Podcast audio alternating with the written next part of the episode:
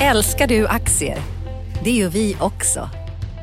Sea Worldwide Asset Management är en av Nordens största oberoende aktiva aktieförvaltare och har samlad kunskap sedan 1986. Ta del av vår kunskap på seaworldwide.se. Bokstaven C, worldwide.se.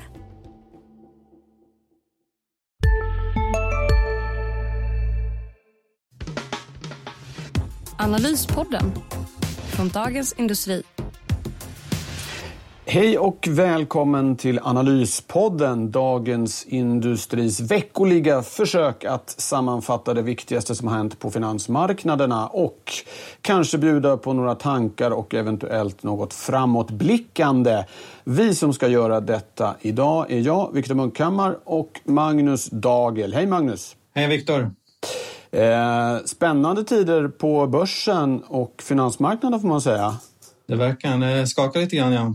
Ja, det har varit upp och ner här eh, på börsen i, i veckan och vi ska försöka förklara vad som ligger bakom det och gå igenom lite vad är det viktigaste som har hänt som sagt och eh, sen vet jag att du har lite tankar om att techbolagen är de nya värdebolagen exempelvis.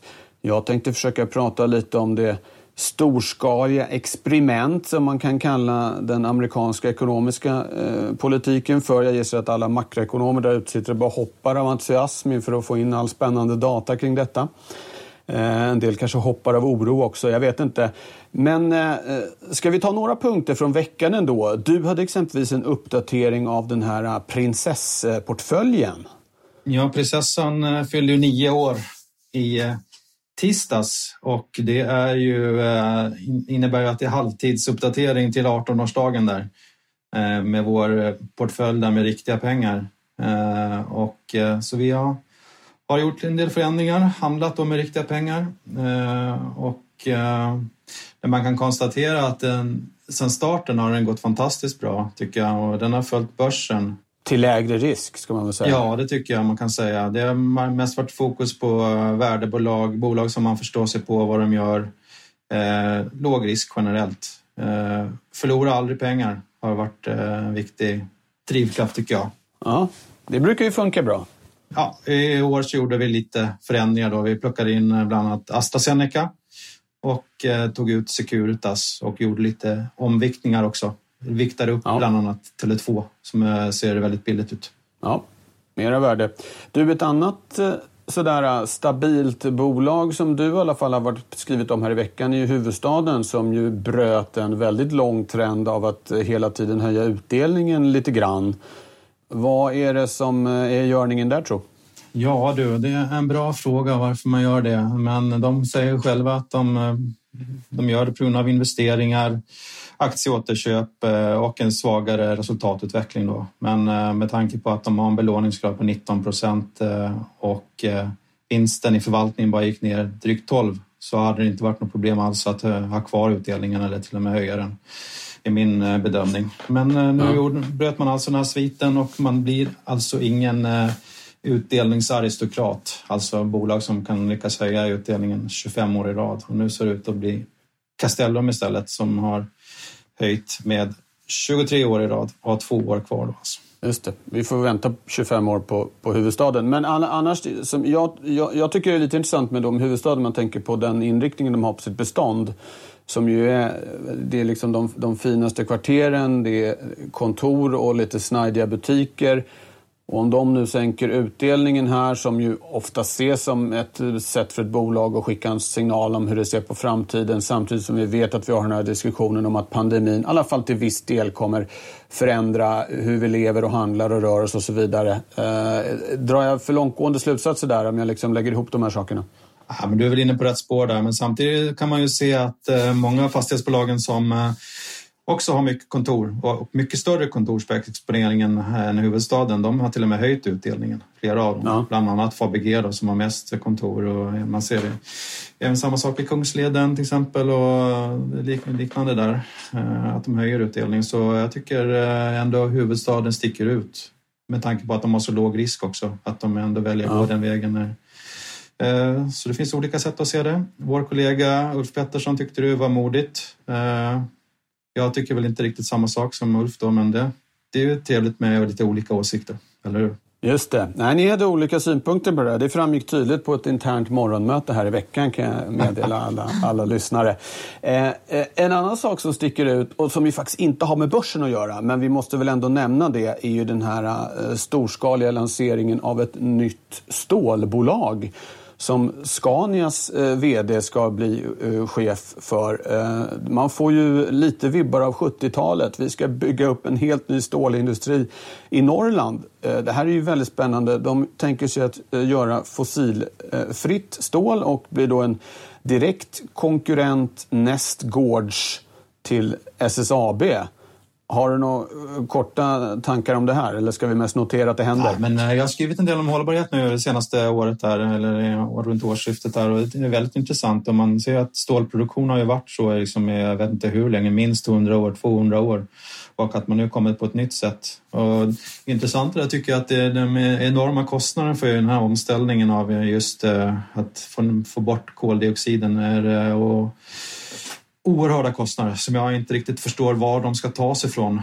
Eh, jag vet att du har tittat lite grann på det. Ja, ja, det, ja jag, jag, har svårt jag, att förstå vem, vem som ska ta kostnaden. Är det aktieägarna eller är det staten eller är det någon annan? För det måste ju tas någonstans. Ja, det, ja, jag, jag lyssnade på en konferens här i veckan och läste en väldigt omfattande rapport från, från Citigroup. Eh, och deras bedömning är då att det kommer att handla om att det är investeringsbehov på 3 till 5 000 miljarder dollar per år fram till 2050 om det här målet från Parisöverenskommelsen ska, ska uppnås. Då. Så det är minst sagt eh, svindlande belopp, ungefär upp till åtta gånger Sveriges BNP årligen.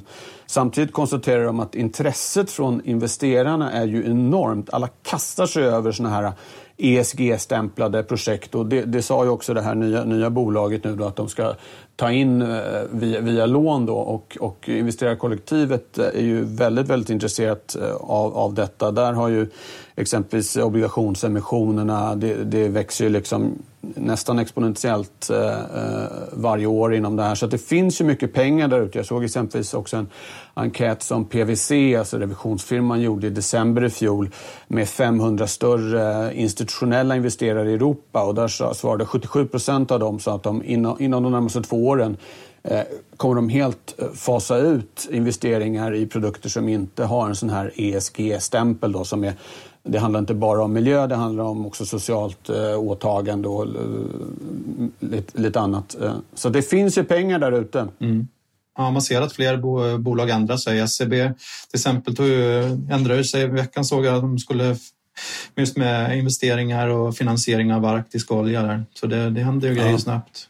Och jag tror nyckeln där, apropå var pengarna ska komma ifrån, det är att man börjar sätta ett pris på koldioxid. Och det händer ju mer och mer. Då blir det ju väldigt mycket lättare att koppla finansiella instrument till saker och ting när det faktiskt finns ett pris. Vi vet ju att i, EU har ju utsläppsrätterna stigit kraftigt i pris. Kalifornien har ett system. Allra mest intressant tyckte jag med det där var att Kina faktiskt lanserade ett litet försökssystem för bara kraftsektorn här 1 februari. Och om det börjar bli en tydlig prissättning på koldioxid i ett land som Kina som ju är eh, minst sagt en av världens absolut största utsläppare, då kan ju en boll som redan är i rullning börja rulla ännu, ännu snabbare. Eh, så det är verkligen en spännande utveckling där och det är rätt mycket faktiskt finansmarknaden som, som driver det här. Det är, liksom, det är ESG är det enda alla pratar om egentligen. Eh, ja, förutom ränteuppgång då som vi ska prata mer om. Men det... Vi kan ju påminna om att det här är ju bara stål alltså. Och eh, jag tittar lite grann på cementindustrin och även där är det ju enorma kostnader för att bara ställa om. Och jag såg någon rapport där, alltså bara ställa om just cementproduktionen till noll CO2-utsläpp. Det, kommer kosta, bara om ArcelorMittal skulle göra det skulle det kosta mycket mer än det befintliga börsvärdet. Då är frågan var de pengarna ska tas ifrån. Är det aktieägarna mm. som ska finansiera det eller är det staten? Ja, det som händer då är att det håller på att uppstå, som jag var inne på här, en kostnad för att producera det på det sättet man gör nu. Om man ska börja betala för koldioxid man släpper ut. Ja. Det har ju hittills varit en osynlig kostnad, men likväl en kostnad fast det är ingen som har tagit den. Eh, om den, den, den kostnaden då börjar internaliseras i bolagen då kan det hända att det faktiskt billigare alternativet blir att ställa om om man ska få börja betala för den nedsmuttningen och man sätter ett pris på den kostnaden den innebär. Men visst, det, det är mycket pengar som ska in minst sagt. Jag ska dra lite makrogrejer från veckan också. Det har varit väldigt mycket faktiskt som har kommit och jag försöker ta det ganska snabbt här och, och från början. Eh, vi fick en ny siffra för arbetslösheten från SCB som visade att den steg lite grann till 8,9 procent. Den stora grejen där var inte det utan att SCB har gjort om sin eh, beräkning, en eh, anpassning till övriga EU. Och det är nog i grunden jättebra att de gör det, men det ställer till det lite med jämförelserna. Eh, och det är ganska olyckligt just nu när vi är liksom en slags vändpunkt i, i ekonomin, att det blir lite svårare att, att, att se vad som händer på arbetsmarknaden. I alla fall så innebär de här förändringarna att det ska bli lite tuffare att räkna som sysselsatt, så att sysselsättningen sjönk kraftigt procentuellt. Och också att det är lite hårdare villkor för att räkna som att man ingår i arbetskraften. Så arbetskraften krympte också och de där tog ut varandra lite och därför blev det inte så stora förändringar just på arbetslösheten. Men det man ska ta med sig här är väl rätt mycket att närmaste tiden så ska man nog få titta på andra arbetsmarknadsindikatorer snarare än SCB-statistik. Får man ställa en fråga där? Viktor. Ja. Hur, hur, ser arbetslösheten ut jämfört med övriga Europa och hur ser sysselsättningen ut? Har du det i huvudet? Eh, jag har det ungefär i huvudet. Arbetslösheten är ju hög i Sverige jämfört med EU. Det här är EUs lägsta 2020 och jag, Sverige landade på plats 16 eller något liknande. Eh, men eh, då är ju sysselsättningsgraden mycket högre i Sverige, alltså andelen av befolkningen totalt som är sysselsatt. Varför, vad beror det här på, att det är så stor skillnad mellan ja, en, och sysselsättning? En, en viktig skillnad är att, den, att kvinnor i mycket större grad eh, arbetar och är på arbetsmarknaden i Sverige än i eh, andra länder. Sen en sak som vi fick se nu i veckan var då att Sverige har haft förmodligen lite för generös eh, eh, beräkning på när man är sysselsatt och inte. Därför sjönk ju sysselsättningen under när, när, när beräkningen gjordes om här. Men, men eh, eh, i grund och botten så vill man ju att många ska stå till arbetsmarknadens förfogande, befinna sig i arbetskraften och då, det är först då man kan räknas som arbetslös. Så att hellre att ha en hög arbetslöshet eh, men att många står till arbetsmarknadens förfogande än att ha en lägre arbetslöshet men att många står helt utanför arbets, arbetsmarknaden. Vi kommer komma tillbaka till det här lite sen när vi ska prata om USA och det här experimentet. Ehm, och sen den stora grejen annars i veckan är ju att räntorna har fortsatt att stiga. Eh, lite ner idag nu på, på fredagen, men igår stack ju exempelvis den svenska tioårsräntan med nästan 10 punkter, alltså 0,1 procentenheter. Och även i USA har det dragit iväg och det har ju skapat rejäl nervositet på finansmarknaderna. Eh, så det är ju verkligen grejen nu. Eh, tittar vi konjunkturellt så fick vi en väldigt stark KI-barometer, alltså Konjunkturinstitutets månadsmätning. Eh, alla delindex steg. Eh, eh, totalindexet visar att läget i ekonomin är starkare än normalt och det kanske allra roligaste där var att sysselsättningsplanerna nu faktiskt är på positivt territorium. Det är en majoritet av företagen räknar med att öka antalet anställda eh, och det är faktiskt första gången på ett år som vi har eh, sett det. Eh, så det får man ju verkligen hoppas att det håller i sig. Och till sist eh, ska jag väl säga att vi fick ett BNP-utfall, den första off officiella beräkningen, det kom en snabbindikator tidigare, som visade att ekonomin ändå trots allt krympte under det fjärde kvartalet i i fjol. Eh, det där berodde lite på justeringar på tidigare kvartal så att totalbilden av att, att äh, ekonomin har klarat pandemin förvånansvärt bra håller i sig får man säga. Kommer, kommer BNP öka eller i nästa år, alltså det här räkenskapsåret, alltså 2021? 2021? Öka? Ja, oj oj oj. Hur mycket? Mycket.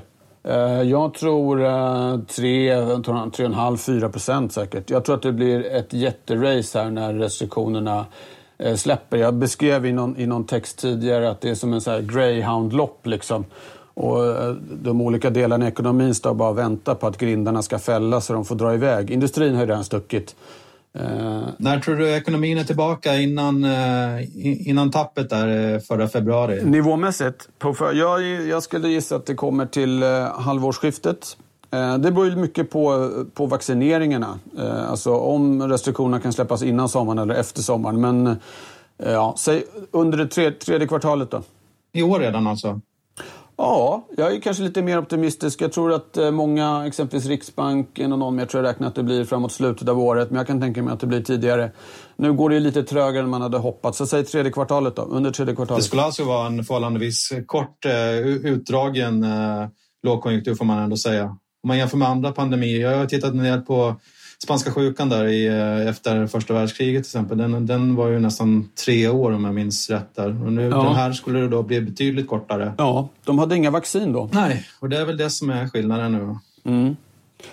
Sen så är det ju det här som vi ska kanske prata mer om, de enorma stimulanserna från både stater och, och centralbanker. Eh, där det ju händer saker. Det om liksom veckan tycker jag. Om vi nu ska bli lite mer filosofiska eh, och kanske även blicka framåt så vill jag väldigt gärna höra med, du har tankar kring eh, de här stora techbolagen som eh, har ju varit liksom tillväxtfenomen och tänker att nu kanske man ska börja betrakta dem mer som värdebolag. Vill du utveckla det? Nej, men det är, väl, det, det är väl den stora grejen som har hänt i veckan tycker jag. Det är ju att techaktierna har rasat både på Nasdaq och i Stockholm här på börsen. Eh, utan jag såg att eh, Nasdaq har ju precis eh, dubblats från 7000 på botten där eh, i, i mars och sen eh, gick det upp till exakt 14 000 och nu var det, har det gått ner till 13 000 så knappt 10 procent ner i veckan då, från toppen. Då. Och, eh, så det är en ganska kraftig nedgång och man har sett några sådana nedställ under, under den här resan uppåt. Då. Men eh, det som jag tycker är intressant är att det är väldigt, eh, börserna är väldigt tudelade fortfarande. Eh, man ser att techbolagen har gått enormt starkt och eh, just de här stora bolagen eh, har också gått väldigt starkt. Men jag tycker, som du sa där, att de här fangbolagen, de här Apple, Microsoft, Facebook och de här, att de, de är ju enorma och där skrev ju eh, vår kollega Andreas Cervenka en bra artikel med i veckan att hur mycket de har växt de senaste åren. Men jag tycker eh, att eh, de här är så stora och de genererar sådana enorma kassaflöden och de har sådana stora kassor att de börjar mer, mer likna värdebolag. Och jag tycker att, att jag tror att de kommer växa betydligt mindre de kommande åren. Dels att det är så svårt att växa från den här storleken då. Och jag tror det kommer bli lite tuffare för dem att växa. Eh, men eh, jag tycker de som varit väldigt högt värderade generellt, det är ju både det är de här mindre techbolagen, alltså som eh, miljöteknik, vi ser bil, elbilar, molnbolag till exempel har varit enormt högt värderade. Där får man faktiskt lite vibbar från 1999 tycker jag. Och man ser att många småsparare inne eh, också höjer de här bolagen. Och att liksom, investerare bryr sig inte om värderingar längre helt enkelt. Eh, men också att eh, då 99-2000, det var ju också många värdebolag billiga minns jag, alltså som fastigheter, industribolag. Har du också valt att bli egen? Då är det viktigt att skaffa en bra företagsförsäkring. Hos oss är alla småföretag stora och inga frågor för små. Swedeas företagsförsäkring är anpassad för mindre företag och täcker även sånt som din hemförsäkring inte täcker. Gå in på swedea.se företag och jämför själv. Sista dagarna nu på vårens stora season sale. Passa på att göra sommarfint hemma, både inne och ute och fynda till fantastiska priser. Måndagen den 6 maj avslutar vi med Kvällsöppet i 21. Välkommen till Mio. Eh, banker, lite som nu, så det finns en del jämförelser där. Men det finns också stora olikheter givetvis. Då. Min lilla spaning. Det var din lilla spaning. Ja, själv så sitter jag och tittar på det som har varit en verklig snackis eh, senaste månaden egentligen. Det här eh, enorma stimulanspaketet som eh, den amerikanska regeringen vill lansera på 1900 miljarder dollar. Och om vi ska sätta det i perspektiv så är det, ja, det är inte riktigt men nästan 10 procent av amerikansk eh, eh BNP. Eh, och det, eh, det är lite ett bett på att eh, vi har haft helt fel om produktionsgapet kan man säga. Det är en sån där nyckelfaktor output gap, eh, alltså hur eh, stor den eh, potentiella förmågan är hos ekonomin i jämförelse med vad, befinner oss, vad vi befinner oss just nu.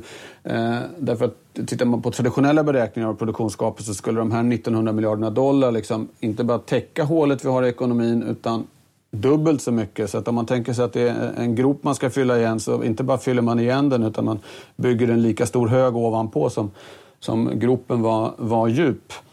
Ehm, och det här blir ett experiment och det finns ju en del tecken på att, eh, att vi under lång tid har varit liksom lite för försiktiga med att se på ekonomins kapacitet. Det tydligaste eh, tecknet på det är väl att, att eh, arbetslösheten i USA innan krisen kunde vara så låg som 3,5 procent utan att det hände egentligen någonting med inflationen. Det var alltså den lägsta nivån på 50 år.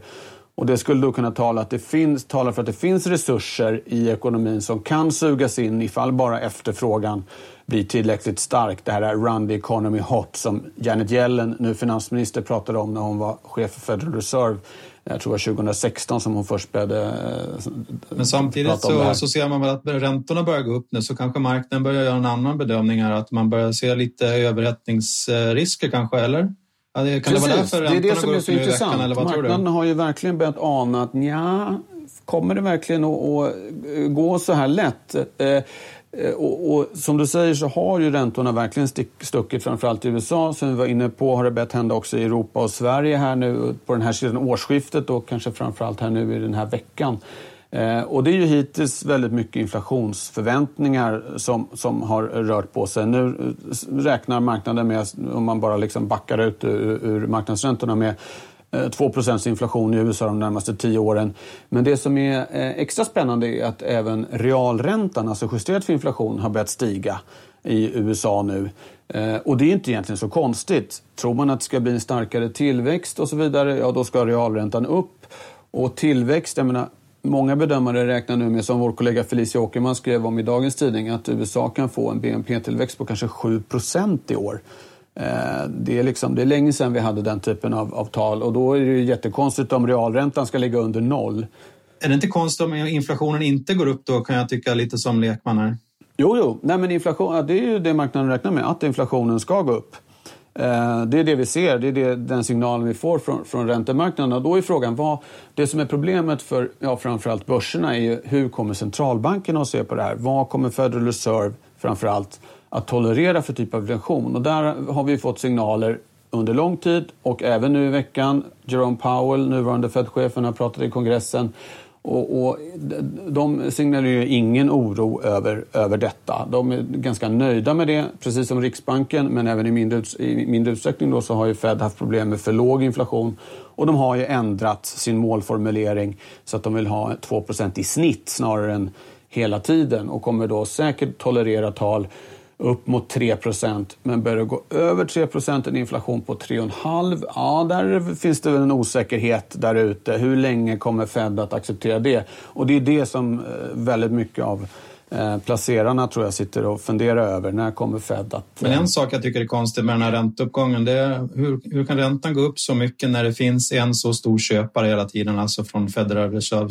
Federal Reserve som verkar köpa precis allting? Ja, ja det finns ju, det, de, Fed köper ju mycket. Eh, men det finns ju väldigt mycket obligationer också. Ja. Eh, om man tittar bara på det här paketet eh, som Biden lanserat, 1900 miljarder dollar, och tittar på Feds nuvarande köptakt så kommer de i år köpa ungefär hälften av, av det paketet. 80 miljarder i, i månaden ligger de på. Så att hälften finns ju fortfarande kvar. Och dessutom, det här är inte det första paketet som USA har lanserat. Eh, vi fick ju ett i mellandagarna på 900 miljarder dollar. Jag menar, det är pengar det är med. Det är, 1, det är 140 procent av Sveriges BNP som de liksom lite snabbt signerade där medan de satt och käkade kalkon. Eh, och även tidigare har vi fått sådana här paket. Så det finns ju, eh, det är ju väldigt, väldigt mycket obligationer som, som ges ut. Så att ungefär hälften då eh, av, av det som bara Bidens paket är det som Fed ska Eh, eller det senaste paketet nu är det som Fed ska, ska köpa i år. Så att, eh, eh, det är stora köp som görs av centralbankerna men riktigt allt eh, sväljer de inte. Eh, och sen den här ränteuppgången, vi har ju en annan del av världen också, nämligen den vi befinner oss i och där räntorna har stuckit. Och där har vi fått, eh, ECB verkar lite mer, mer bekymrade över det här. Där har vi fått en del tal i veckan. Både Lagarde-chefen, Philip Lane, chefsekonomen har varit ute och signalerat lite att de kommer fortsätta se till att det är eh, gynnsamma finansiella förhållanden och sådana där ja, kodord ska man kanske inte kalla det, men signaler till marknaden om att, att eh, eh ECB inte är helt eh, tillfreds med den här eh, ränteuppgången. Delvis beroende på att tillväxtutsikterna ser inte alls lika starka ut här och då är ju ekonomin eh, mindre kapabel att svälja en uppgång i framförallt eh, realräntan. Men det är väldigt mycket i görningen här. Det är ett stort experiment som USA gör eh, här nu om det här paketet går igenom och ja, det blir ju väldigt intressant att följa helt enkelt. Men vad tror du? Jag har ju sett att ungefär 20 procent av alla utestående dollar de har ju skapats de senaste ett åren, alltså ända sedan Amerikas födelse. Så man undrar ju den här eh, enorma penningtryckandet eller ökningen av penningmängden i Amerika och det, det man ser egentligen över hela världen är det får egentligen inga negativa konsekvenser på, på kort sikt för människor. Det finns egentligen ingen negativt så, som jag kan se som, som, är, som är men, vad, men på lång sikt så borde det finnas vissa risker med det här. Jag tycker inte man ser det så, så, mycket i media som skrivs om det. Vad är, liksom, vad är egentligen risken med att öka penningmängden? Så här? Ja, de klassiska riskerna är att det bara uppstår massa inflation. Det är ju Milton Friedmans eh, klassiska kommentar då om att inflation eh, alltid och överallt eh, är en funktion av penningmängden. Men det ser vi ju inte nu, eller hur? Nej, jag såg faktiskt en intressant studie här i, i veckan som eh, jämförde utvecklingen av M2, alltså ett sånt där mått på penningmängden och inflation. Jag tror det var från 1975 och fram till nu. Eh, och tvärt emot vad man skulle kunna tro så fanns det faktiskt en liten negativ korrelation. Alltså att M, ökning av M2 om något har varit eh, kompatibelt med en liten nedgång i inflationen och det är ju intuitivt väldigt konstigt. Den första invändningen man kommer att tänka på är då, ja, men handlar inte det om hur vi mäter inflation? Det är ju konsumentpriser. Eh, eh, det finns ju andra saker här i samhället som kan stiga i pris och eh, det första man kommer att tänka på är ju exempelvis fastigheter och aktier då, att det är där pengarna hamnat. Och det är ju en sak som jag tror att centralbankerna sliter ganska mycket med. De får ju allt mer kritik för det där att, att det de håller på med pressar upp eh, värdena på tillgångar som generellt sett redan eh, välbeställda eh, personer sitter på. Alltså att de driver på någon slags eh, eh ojämlikhet med det här penga, penga Men ska man inte ta in det, det mera i KPI då? Att man tar in eh, mera liksom tillgångspriser som aktier och fastigheter i, eller? Det finns en sån diskussion, eh, eh, det gör det. Det finns en ekonom på Nordea exempelvis som har ett eget litet sånt där där han har petat in en viss andel bostäder och en viss andel aktier. Och då tror jag senaste uppdateringen där visar att inflationen i Sverige nu skulle ligga kring 2-3 procent eller något sånt där snarare än Eh, där, där liksom det officiella måttet eh, eh, ligger. Eh, bostäder är faktiskt lite indirekt inbakat i KPI men, men, men, börsen är ju inte, inte med där. Och det, är hela tiden, det beror på vad är det man är ute efter att, att mäta. Det man, Eh, det, det, syftet med KPI är ju levnadsomkostnader. Liksom. Det, vi, det vi måste eh, köpa och sälja och då kanske det är lite konstigt att ha med aktier. Men som exempelvis en centralbank eller annan beslutsfattare så måste man ju ha en större större bild än så. Så att, eh, eh, det, det är ju definitivt en, en annan stor sak. Men den här penningmängden som har skapats, måste inte den tas ner någon gång i tiden? Liksom, eller kan den bara fortsätta öka? Vad, vad, det undrar man ju lite som lekman tror jag. Liksom, vad, vad kommer att hända med det här? Kan man bara öka penningmängden och antalet liksom, utestående pengar hur mycket som helst? Eh, I slutändan så bör det ju bli inflation av det. Eh, om, vi, om vi säger om vi har två äpplen som kostar en krona styck och så plötsligt ökar vi mängden pengar men inte mängden äpplen, ja då blir väl äpplena om vi ökar penningmängden med det dubbla så borde äpplena bli dubbelt så dyra tills vi har lyckats odla fler äpplen. Eh, det de eh, bland annat försöker göra här nu i USA då är att öka ekonomins produktionskapacitet genom att suga in resurser som av någon anledning eh, har stått utanför och man tror då att det här eh, output-gapet, eh, eh produktionsgapet är, är, större än man har trott att den potentiella eh, ekonomin eh, är, är, större än, än, man har tänkt sig.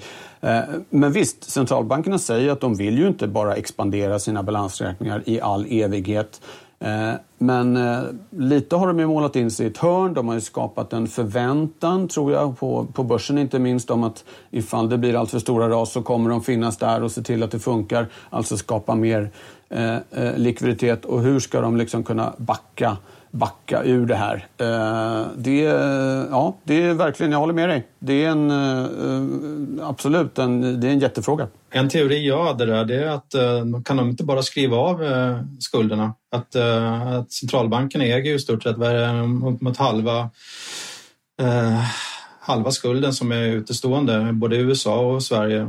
Kan man inte bara, ja. att man skriver av det så helt enkelt så blir staten av med sina skulder? Ja, statens högra hand eh, pratar lite med den vänstra handen eh, och så nettar vi ut det här. Det är en diskussion som har förts kring Japan exempelvis. Eh, där ju statsskulden är 250 procent av BNP och Bank of Japan har ju tvingats gå före i princip alla andra på olika sätt.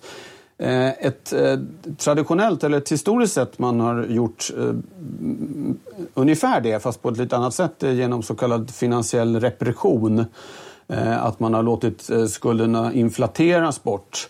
Att centralbankerna har hållit ner räntorna medan inflationen har varit högre och då minskar ju eh, det reala värdet på, eh, på Men det där tar ju så lång tid. Där är man ju liksom, är inflationen 2% så tar det ju många, många, många, många år innan det händer någonting. Ja, fast det är den här fina, den fina, fina ränta på ränta-effekten som du brukar prata om när du skriver om utdelningar och sånt. Den funkar även i det här sammanhanget, så det går, tar kanske inte fullt så lång tid som man tror.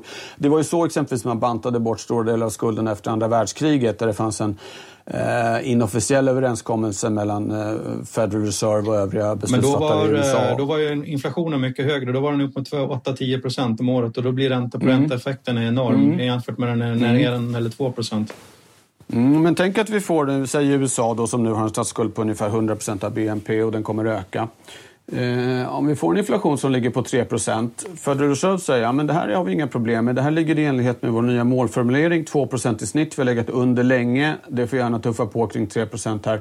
Och så, om man håller nere räntorna, det är ju ett annat sånt där verktyg som det pratas om här nu, som Anna Breman, eh, vice riksbankschef här i Sverige, pratar om i veckan, det här yield curve control, alltså att centralbankerna inte bara tar makten över den korta änden av räntekurvan som de alltid har haft, utan också den långa.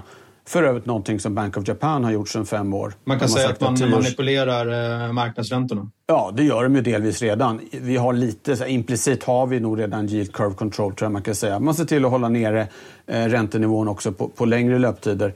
Eh, då får vi den här effekten. Ehm, att inflationen gröper ur eh, värdet på, på, eh, på skulderna. Eh, och jag, köp, det, jag det, köper inte det, riktigt det där, för jag tror att det kommer ta alldeles för lång tid. Det kommer ta minst 10-15 år innan det händer någonting om, om inflationen så här låg på 1,5 eller 2 procent. Ja, men det, det är inget problem att ha en stor skuld i 10-15 år så länge man kan betala den.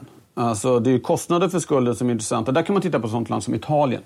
Eh, som vi oroar oss mycket för. På goda grunder ska man säga. En växande statsskuld, en anemisk tillväxt, i princip ingen real tillväxt sen de gick med i euron liksom, eh, för över 20 år sedan. Eh, samtidigt så att Italiens kostnad för skulden, den är lägre nu än den var på 80-talet när skulden var mycket mindre. Men det beror ju bara på att de är med i euron. De hölls under armarna av resten av eh, Europa. Hade de varit fristående ja, jo, så hade visst. det ju varit konkurs.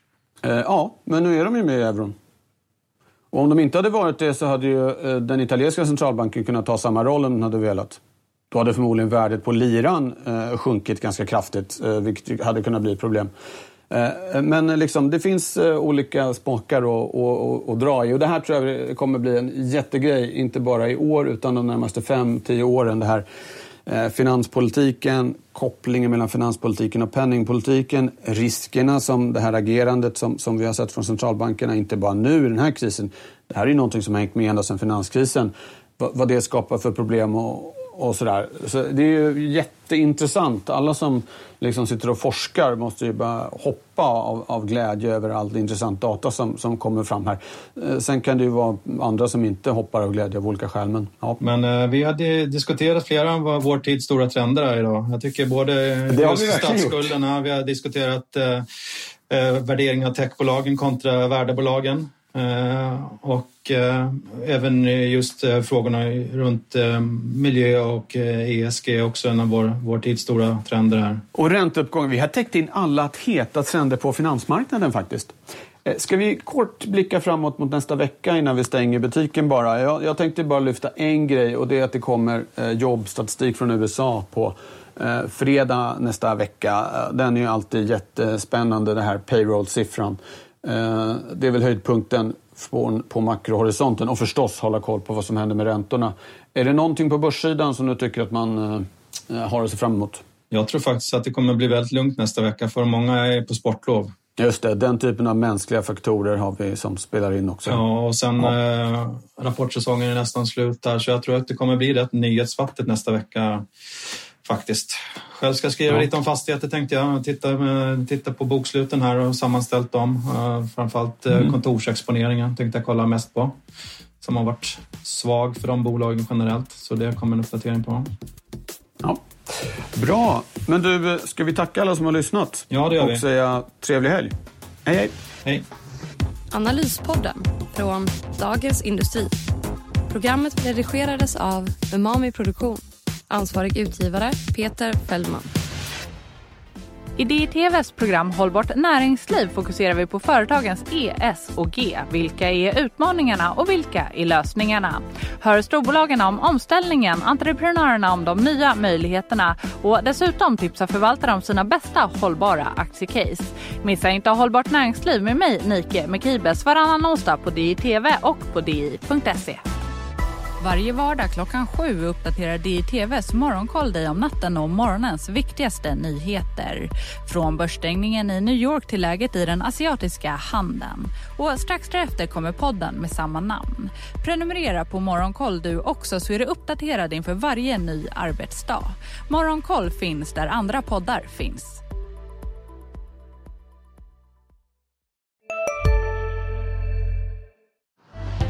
Älskar du aktier? Det gör vi också. Sea Worldwide Asset Management är en av Nordens största oberoende aktiva aktieförvaltare och har samlad kunskap sedan 1986. Ta del av vår kunskap på seaworldwide.se.